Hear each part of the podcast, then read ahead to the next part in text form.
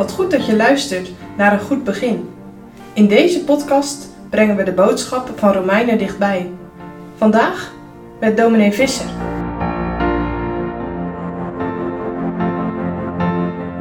We zijn nu toegekomen aan Romeinen 9, vers 14 tot en met vers 23. In dit gedeelte gaat Paulus de gedachte dat God Jacob heeft lief gehad en Esau gehaat, verder uitleggen. Het gaat hier over Gods eeuwige verkiezing.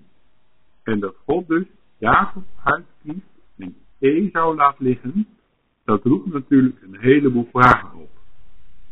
De eerste vraag die Paulus behandelt staat in vers 14. Daar zegt hij, is er onrechtvaardigheid bij God?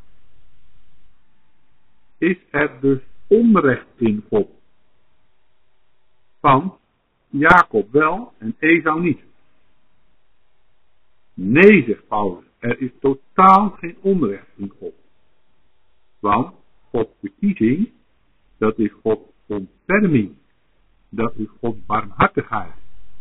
Paulus ziet als het ware die hele schuldige mensenwereld voor zich. En nu wil God zich ontfermen over mensen in die wereld.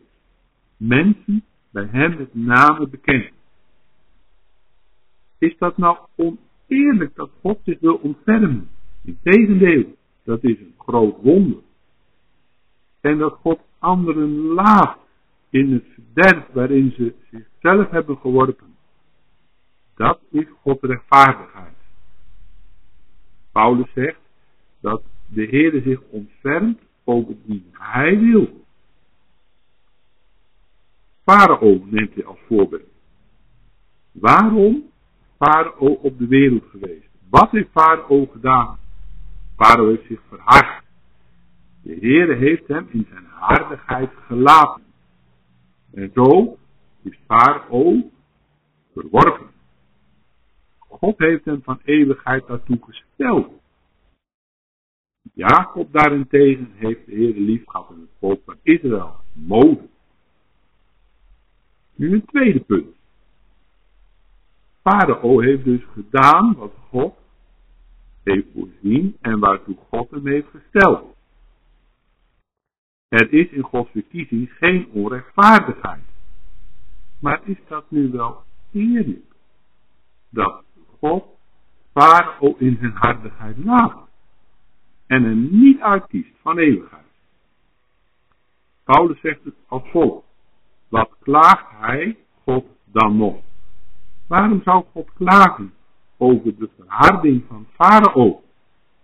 Waarom zou God Farao tot bekering roepen? Want hij heeft Farao zelf ertoe uitgekozen, verworpen om deze dingen te doen. En wie heeft God wil wederstaan? In wat Farao deed met het volk Israël, heeft hij God wil niet weerstaan. Is het niet oneerlijk van God om Farao niet uit te kiezen? Eerst is onrechtvaardigheid, nu oneerlijkheid.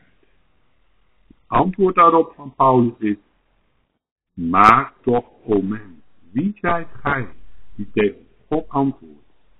Kijk, zegt Paulus, nu probeert een geschapen en gevallen mens God ter verantwoording te roepen. En dat is ons niet toegestaan. Wij zijn schepselen, wij zijn door God gemaakt. Het maaksel kan zijn schepper nooit ter verantwoording roepen. Laten we daar ook voor oppassen. Dat we God rond zijn verkiezend handelen niet ter verantwoording gaan roepen. Ten slotte voegt Paulus er nog een mooie gedachte aan toe. Hij heeft het over God als een pottenbakker. Een beeld wat hij citeert vanuit Jezaja. Kijk, een pottenbakker maakt met wijsheid zijn vaten. Stel, er moet gekozen worden. Als de duivel zou kiezen, dan was Esau behouden en Jacob verworpen.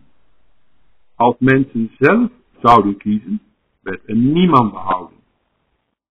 God kiest.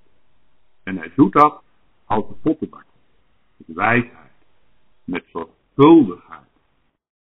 Laat dat heerlijke besluit van Gods verkiezing maar in de handen van de grote pottenbakker. Daar ligt het goed. Hij is de alwijze God, die met wijsheid zijn raad uitvoert. Tot troost van de gelovigen in Rome en tot waarschuwing alle goddelozen.